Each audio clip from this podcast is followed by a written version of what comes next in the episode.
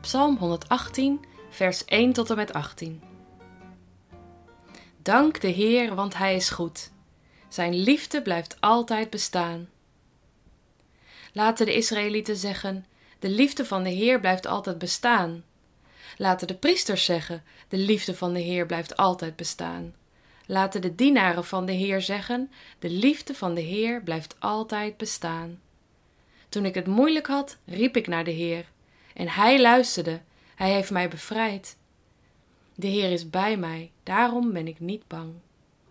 Mensen kunnen me geen kwaad doen. De Heer is bij mij, Hij helpt mij. Daarom ben ik niet bang voor mijn vijanden. Je kunt beter hulp zoeken bij de Heer dan vertrouwen op mensen. Je kunt beter hulp zoeken bij de Heer dan vertrouwen op mensen met macht. Veel vijanden omsingelden mij, maar ik versloeg ze met de hulp van de Heer. Ze omsingelden mij en vielen me aan, maar ik versloeg ze met de hulp van de Heer. Ze vielen me aan als boze bijen, maar ze waren snel verdwenen, want ik versloeg ze met de hulp van de Heer. Mijn vijanden probeerden mij te doden, maar de Heer heeft me gered. Hij beschermde mij en gaf me kracht. De Heer liet me overwinnen. Het volk van God heeft overwonnen. Daarom juichen de mensen en zingen: De Heer is machtig, Hij overwint, de Heer is machtig. Ik zal niet sterven, maar ik zal leven. Ik zal vertellen wat de Heer heeft gedaan. Hij heeft mij streng gestraft, maar Hij heeft me niet laten sterven.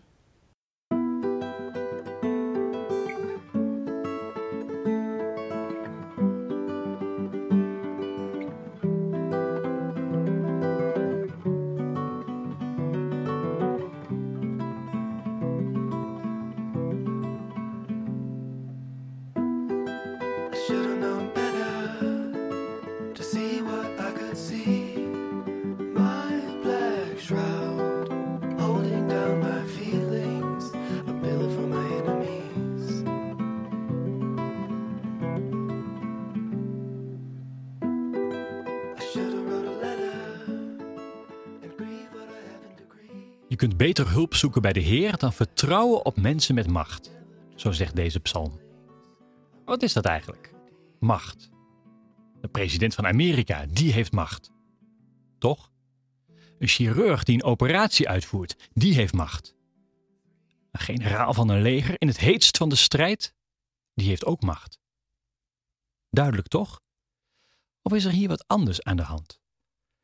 In alle voorbeelden wordt macht vooral gegeven.